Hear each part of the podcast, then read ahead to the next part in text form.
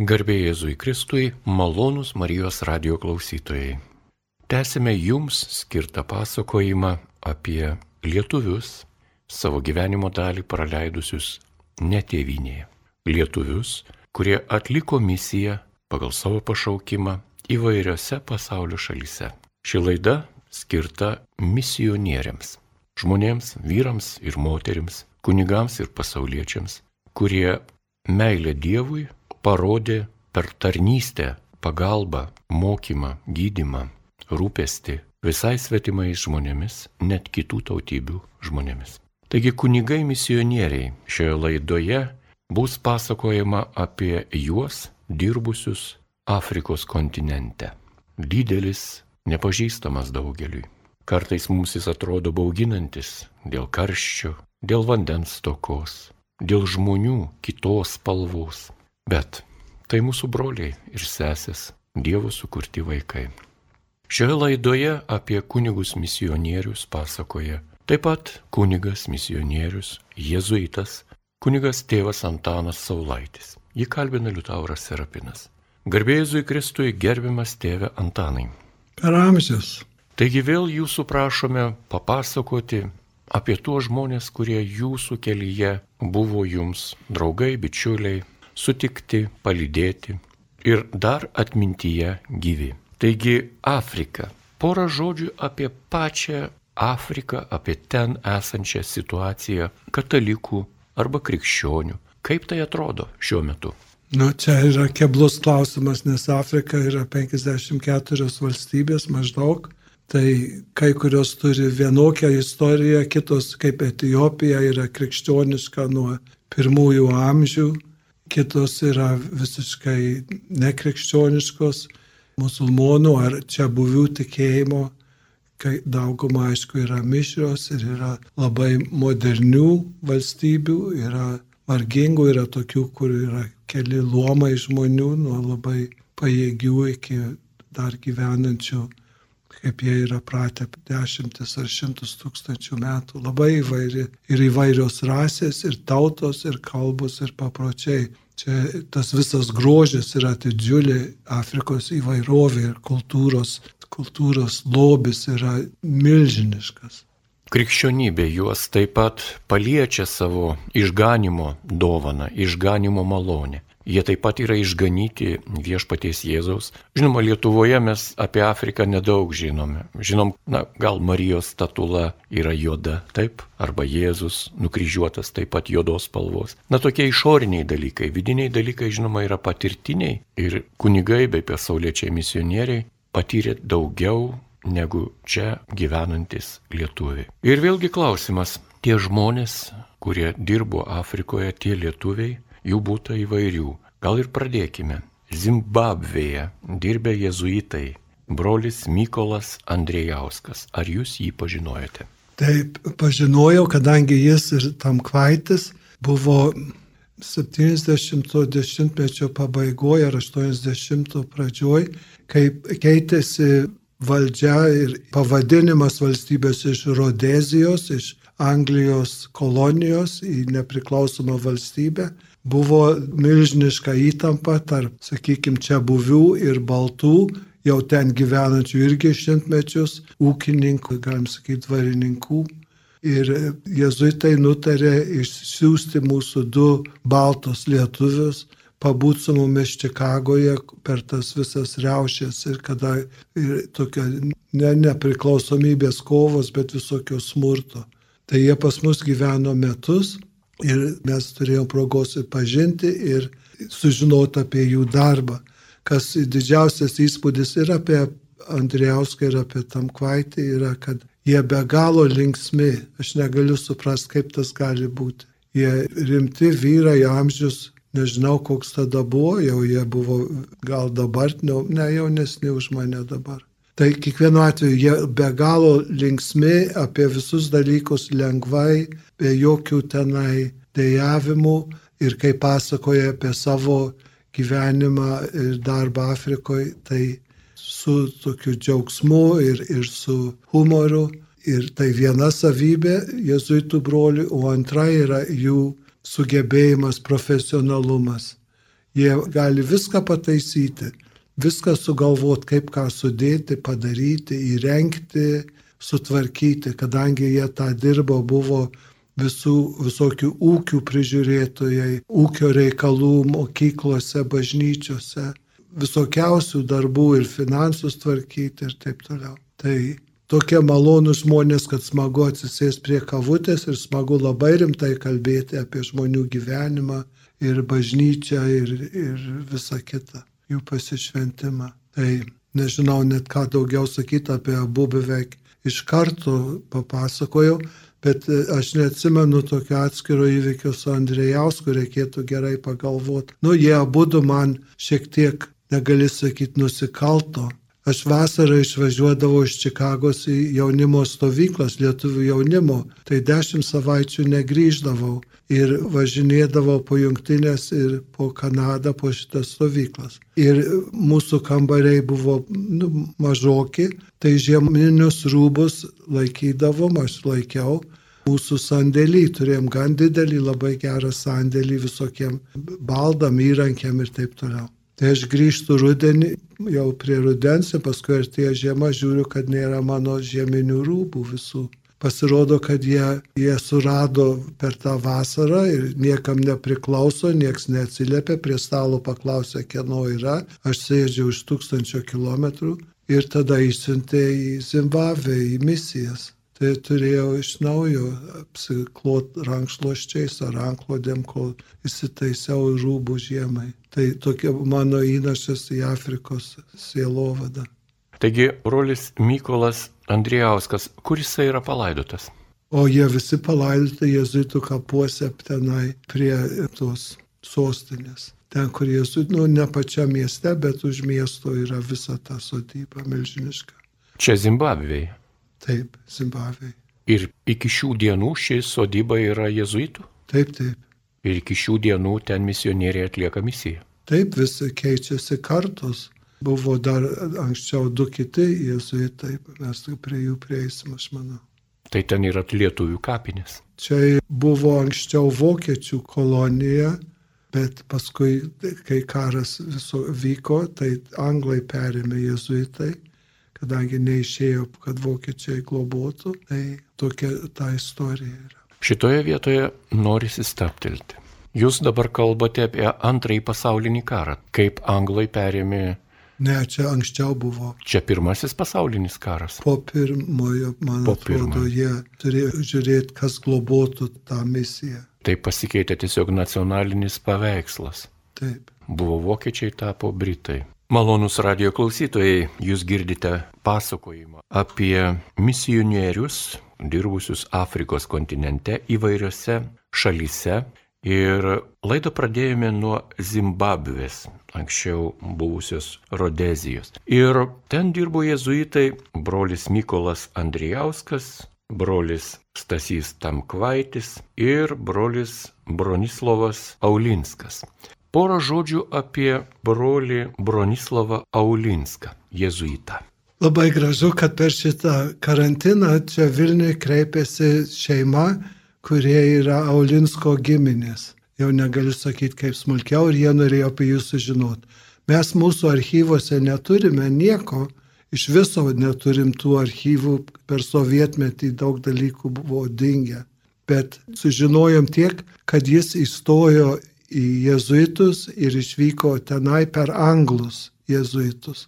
Tai tada parašiau laišką į anglų jezuitų archyvą ir kartais atsiliepia pasaulietis, pasaulietė archyvo vedėjo šį kartą kažkaip pavadavo juos jezuitas, kuris pažinojo Aulinską ir taip gražiai parašė laišką, kad man atrodo mes atšvietėm ir tai šeimai nusintėm. Tai Aulinskas buvo jezuitas, paskui jis išstojo, sukūrė šeimą ir gyvena skersai gatvės nuo jezuitų bažnyčios su savo šeima ir didelis parapijos remėjas, palaikytojas, bendradarbis, turėdamas šeimą ir sužinoma visų to jezuitiškų pasiruošimo ir įsilavinimo. Taip šiltai, gražiai aprašyta ir tas archyvaras ir pažinojo asmeniškai. Tai čia yra didelis dalykas, nes kai mes gyvenom jungtinėse, neturėjom, ne, kažkaip nieks nepasakojo apie tai. O kitas buvo Gencevičius. Gencevičius. Taip. Gencevičius, jisai buvo tenai ir paskui gali būti, kad jis ten arba mirė, arba grįžo atgal į Angliją ir toliau Anglijoje gyveno pas jėzuitus. Kažkaip nelikęs yra Zimbabvė, iš misijos išėjo. Taigi brolis Paulius Gencevičius būtent tas, kuris išliko pas jėzuitus. Išliko pas jėzuitus ir turbūt aš spėjau, kad Anglijoje galėjo mirti, ne, nesusekėm, neieškojom. Labai gražus jūsų pasakojimas apie brolį Bronislavą Aulinską, kuris paliko jėzuitų bendruomenę, paliko vienuolyną ir taip pat iš kunigų lomo perėjo į pasauliečių lomą, taip? Nu, iš vienuolių, taip. Iš vienuolių. Nebuvo A, kunigas. jis neturėjo šventimų, bet Buvo brolis, taip. Žinot, Lietuvoje tokie perėjimai iš pašvestojo luomo, kaip mes vadiname, žinome, jog pasauliečiai yra ir broliai, ir pasauliečiai tie, kurie pasaulyje gyvena su šeimomis. Tik kunigai jau yra kito luomo, bet juos vis tiek vadiname pašvesto luomo žmonėmis. Ir labai stigmatiška yra šita tema Lietuvoje. Yra įprasta, jeigu iš kunigystės pasitraukia vyras ir sukuria šeimą, tai kažkaip stengiamas jį nebeminėti, jo vardą užmiršti. Na, neužmiršti, bet viešai nebeskelbti. Ir va tokia užsideda tokia užuolaida, kaip uždangalas ant žmogaus asmens, ant jo patyrimo. Lietuvoje yra buvę tokių atvejų, kai buvo be galo gabus kunigai, nepaprastai, nuostabus. Jie tiek daug nuveikė Lietuvai ir, aišku, katalikų bažnyčiai Lietuvoje, bet paskui išėję iš Lomo jie visiškai yra užmiršti. Ir vieniems yra skaudi ta tema, kiti norėtų kalbėti, treti kažkaip derinasi, prisiderina prie bendro fono, kad, ai, gal nelieskim šitos temos. Teventanai, kaip Jūs manote, šią temą reikia liesti ar ją reikia palikti ramybei? Čia reikia atimti 50 metų sovietmečio. Nes normaliam pasaulyje žmonės visai ramiai apie tos sprendimus. Prieš šimtą metų, 120 ar daugiau žmonės netiek ilgai gyveno. Tai jiem nebuvo laiko nei įsiskirti šeimoje, nei išstoti iš vienuolyno, nei kas nors kito jau tada skandalinga. Tai ateis laikai, kada visai ramiai žiūrėsime į žmonių sprendimus su pagarba ir kaip kiekvieną žmogų gerbsime. Tai čia nėra blogos valios, čia yra atsilikimas toks iš to, kas yra visuotiniai bažnyčiai. Ir kaip mes matome iš Aulinsko pavyzdžio, jisai išstojo ir su visa šeima parapijoje dalyvauja ir remia veiklą ir turi verslą ir iš to verslo remia bažnyčią, tą fizinę parapijos bažnyčią ir bažnyčią bendrai. Tai čia nėra ką smerkti. Toliau mes, mes kaip tik paprastai priglaudžiam žmonės, kuriem yra sunku, nėra taip lengva apsispręsti, bet ką daryti, išstoti ar įstoti, arba tuoktis, arba išsituokti, ar kas bebūtų.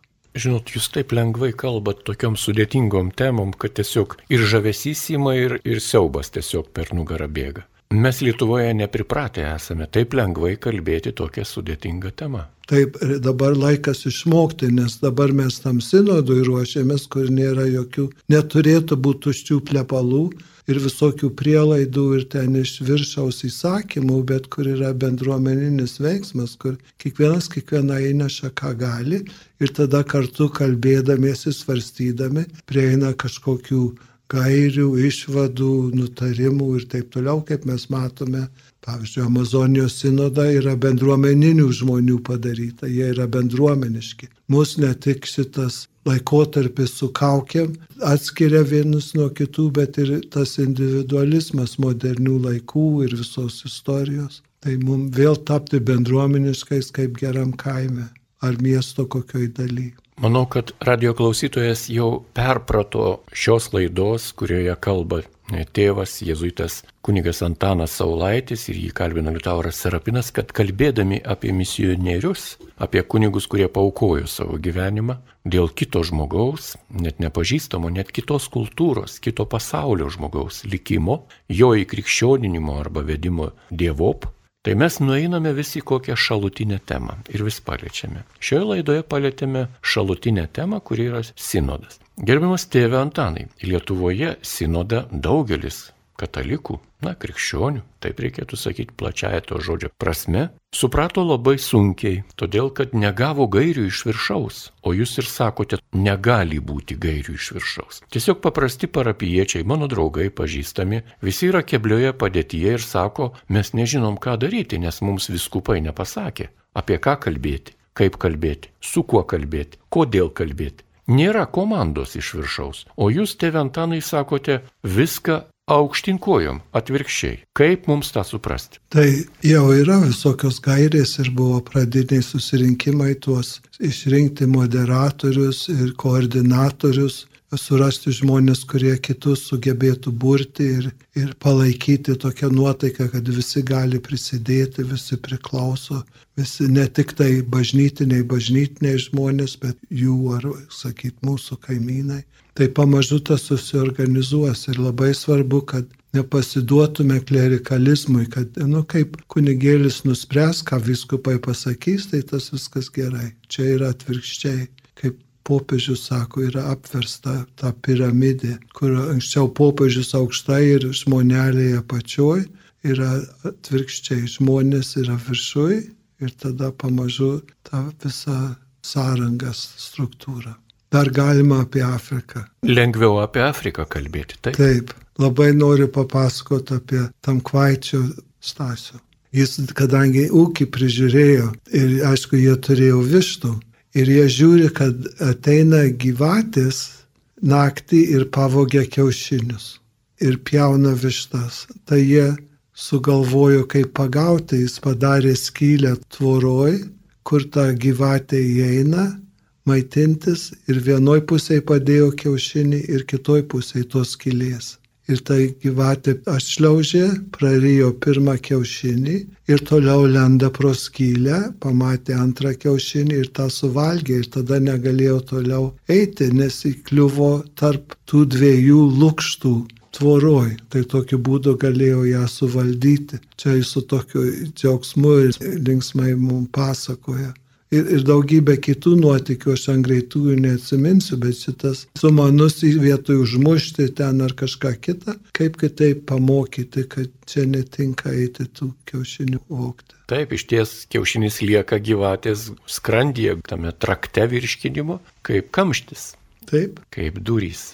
Gyvoji gamta kartais ji žmonėms atskleidžia tam tikrus dėsnius, kartais sukelia baimę, rūpeščius, įvairiai pasitaiko, Afrika turbūt, na, mums, šiauriečiams, lietuviams, tai tikrai yra tam tikrų tokių baimių arba tam tikrų nežinios, paslapties šalis, Mes nežinome, kaip ten, ten yra pavojingų gyvūnų, ten yra pavojingų teritorijų, kur nėra vandens gėlo, arba yra labai karšta, arba dar kažkas. Kaip tie misionieriai tuo metu, na, sprendė tos paprastus būtinius dalykus. Taip ateini su kryžiumi rankoje, su Biblija kišenėje, gal rožančių turi ar maldaknygę, vieną kitą grašį, bet nežinai papročių, nežinai tos etikos, kuri tuo metu tenais yra vyraujanti, pagaliau nežinai net ko saugotis, ko nesisaugoti saugoti. Kaip išsiversdavo tuo metu misionieriai? Nu, tie misionieriai jau ten yra ne tik misionieriai, bet ir gyventojai ir nu, tūkstančius ir šimtus metų. Tai jau yra išeitis, tik reikia išmokti iš jų.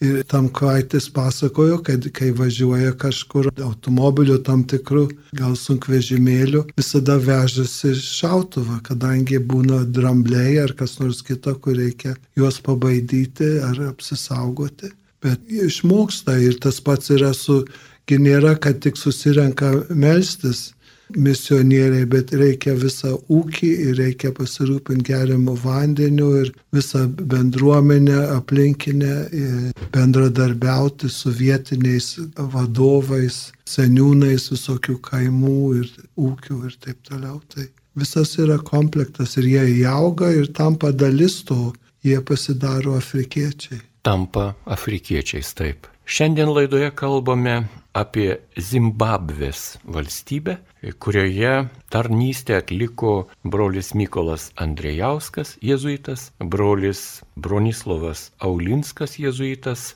brolis Stasys Tamkvaitis, jėzuitas ir taip pat brolis Paulius Gencevičius, jėzuitas.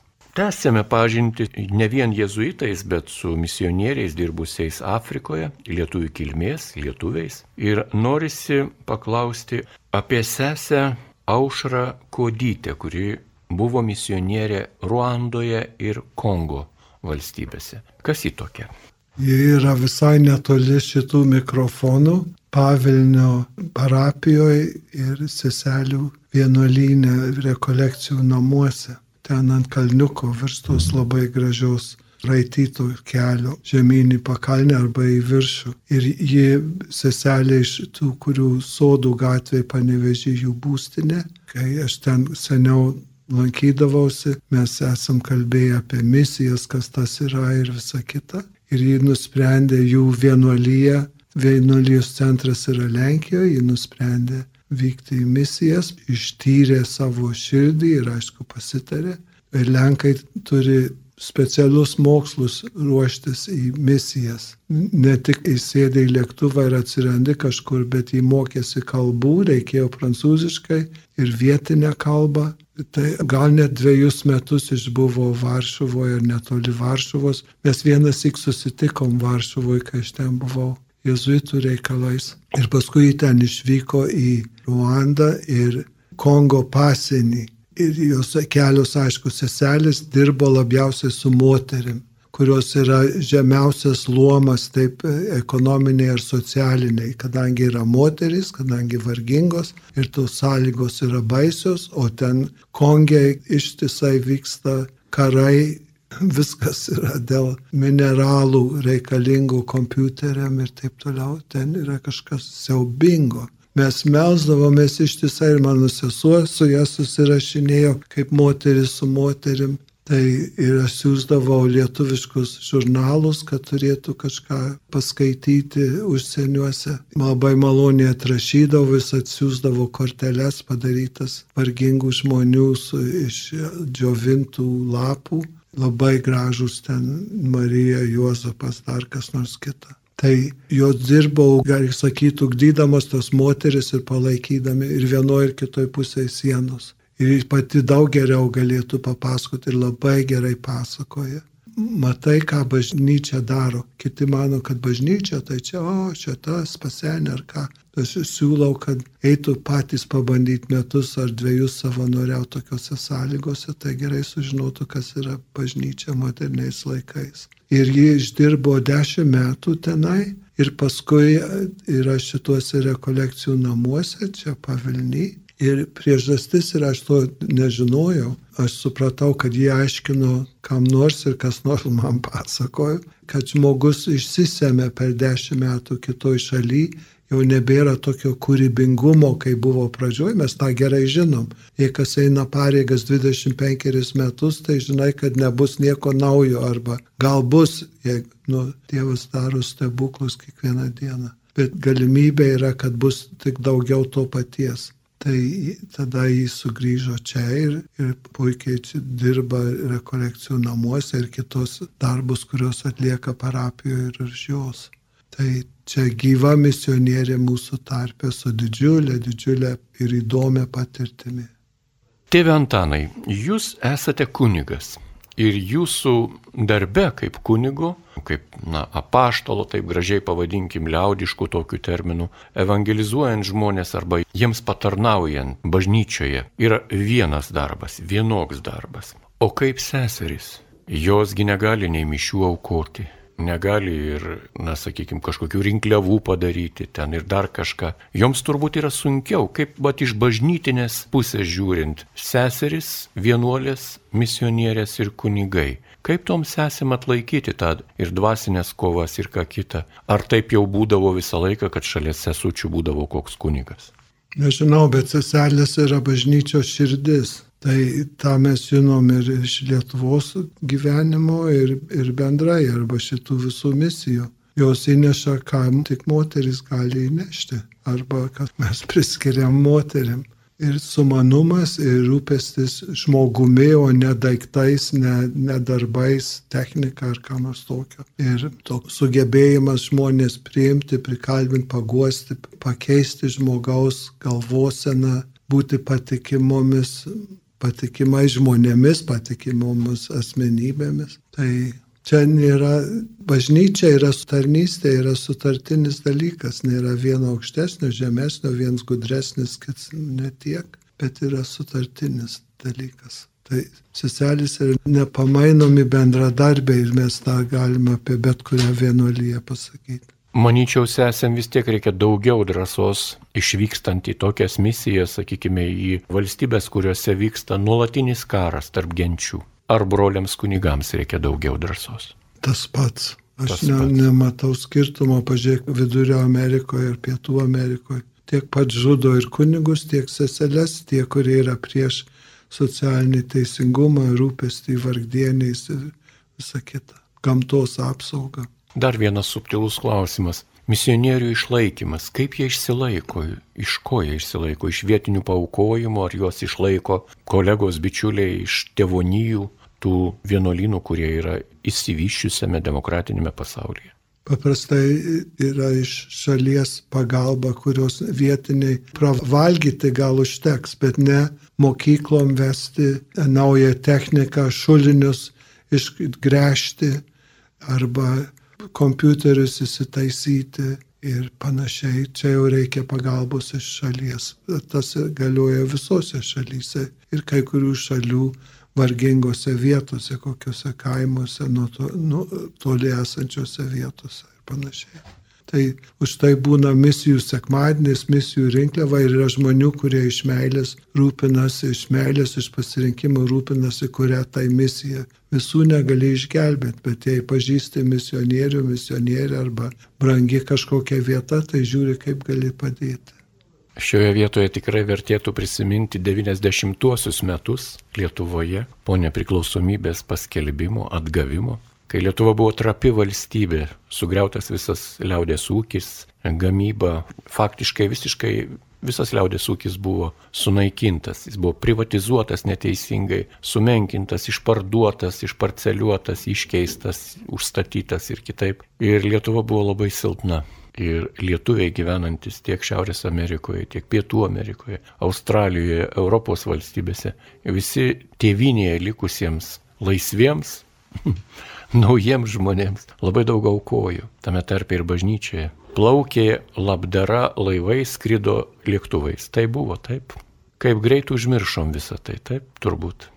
Bet už tai mes žinom, kad galim kitiem padėti dabar. Tėve Antanai, man atrodo, apie tai reikėtų dažniau kalbėti. Šypsotės. Tikra tiesa, žinojimo negana. Reikia įpročio, reikia turėti tą šauksmą. Gal netinkamas žodis geismas, bet šauksmas. Šauksmas gyventi kartu, šauksmas padėti kitam, šauksmas atsiliepti į kito šauksmą. Taip yra, pasaulyje yra daug parapijų, kurios turi savo mėgstamą misiją, pasirenka kažkur ir nuosekliai rašo, susirašinėja, vaikai siunčia paveiksliukus, tie parašo, ko labiausiai trūksta ir taip toliau, tokia seserį parapija kažkur kitur, toj pačioj šalyje ar kitoj šalyje. Čia yra įprasta, įprastas bažnyčios gyvenimo būdas. Man teko matyti Šiaurės Amerikoje, Junktinėse Amerikos valstijose kaip lietuviškos bendruomenės, kaip jos ruoždavo dovanas prieš Kalėdas, Advento arba gavėnios dovanas prieš šventas Velykas ir siūsdavo į Lietuvą. Kiek buvo padėta daug darbo, kiek buvo daug valandų praleista, na, pildant tuos tarpintuvus ir ką kitą siunčiant į Lietuvą. Ir kaip mažai iš Lietuvos atėjo tų tokių žodžių, kurie prasideda iš A raidės. Ačiū. Nežinau, kodėl taip yra. Gal čia mūsų charakteris toks, jis yra toks tylus, ramus, paslaptingas. O gal esame sužeisti dvasiškai, Kunigė Antanai, ką pasakytumėt? Aš tik žinau, kad labai svarbu dėkoti vaikam, jauniems žmonėms sakau, seniem gal nesakau, kad reikia kiekvieną dieną labai sveika yra vakare už dieną Dievo dėkoti. Ir tas padaro mus švelnesnius su visais kitais žmonėmis ir netai baisu, bet kam sakyti ačiū, kad ir už mažytę paslaugą arba ryšį arba šypsnį. Taigi tęsime laidą, kurioje Jėzuitas misionierius kunigas tėvas Antanas Saulaitis pasakoja apie Afrikoje rastus misionierius, tai jis surado šiuos asmenys. Ir tesdami pokalbį norime dar paliesti keletą žmonių. Jonas Mikaliūnas ir Ieva Parnavaitė. Jie dirbo Ruandoje. Kas jie? Jie yra iš dabar gyvena prie Klaipėdos, turi du sūnelius. Ir aš susipažinau su jais per skautus ir gerai atsimenu, jie domisi labai indienais, tai mes tam parkelį, gal, gal net e, reformatų parkelį šnekėjom apie indienus, paskolinau jiem knygų ir taip toliau, o jie visi žinojo apie kunigą Hermaną Šulcą Ruandoje, lietuvių misionierių, gyvą dar. Tai jie dar buvo rodos nevedę, jie kartu keliavo į Afriką ir tenai savanoriavo. Ir svarbiausia, susipažino su tom sąlygom, su reikalais ir tada tokie samoningi žmonės apie žmonių bendravimą, savanorystės naudą, sugebėjimą kitą kultūrą suprasti arba apie ją žinoti, kaip sužinoti, tą visą grožį, įvairovę, iššūkius ir taip toliau. Trumpa, bet e, savanoriška tarnyba, o žinoma, visiems būtų labai į naudą, ypač jaunystėje, studentavimo laikais, gal truputį vėliau, kažkur išbandyti savo jėgas kitoj kultūrai. Mūsų laida eina į pabaigą ir turbūt, kad tėvą kunigą Salezietį Hermaną Šulcą įdėkime į kitą laidą taip, ateityje. Taip. O šioje laidoje pabandykime dar prisiminti labai didelę šeimą. Tai tada Rūta, Kova, Luka, Vida, Ryta, Vasara, Kulbius. Jie buvo Etijopijoje. Kas jie tokie? Jie yra iš Čikagos apylinkės, mūsų Matulaičio misijos nariai. Ir Rūta, mama, dirba tokio įmonė, kuri turi tarnybas užsienyje. Bet tarnystės, ne, ne tik šiaip savo terliuotis.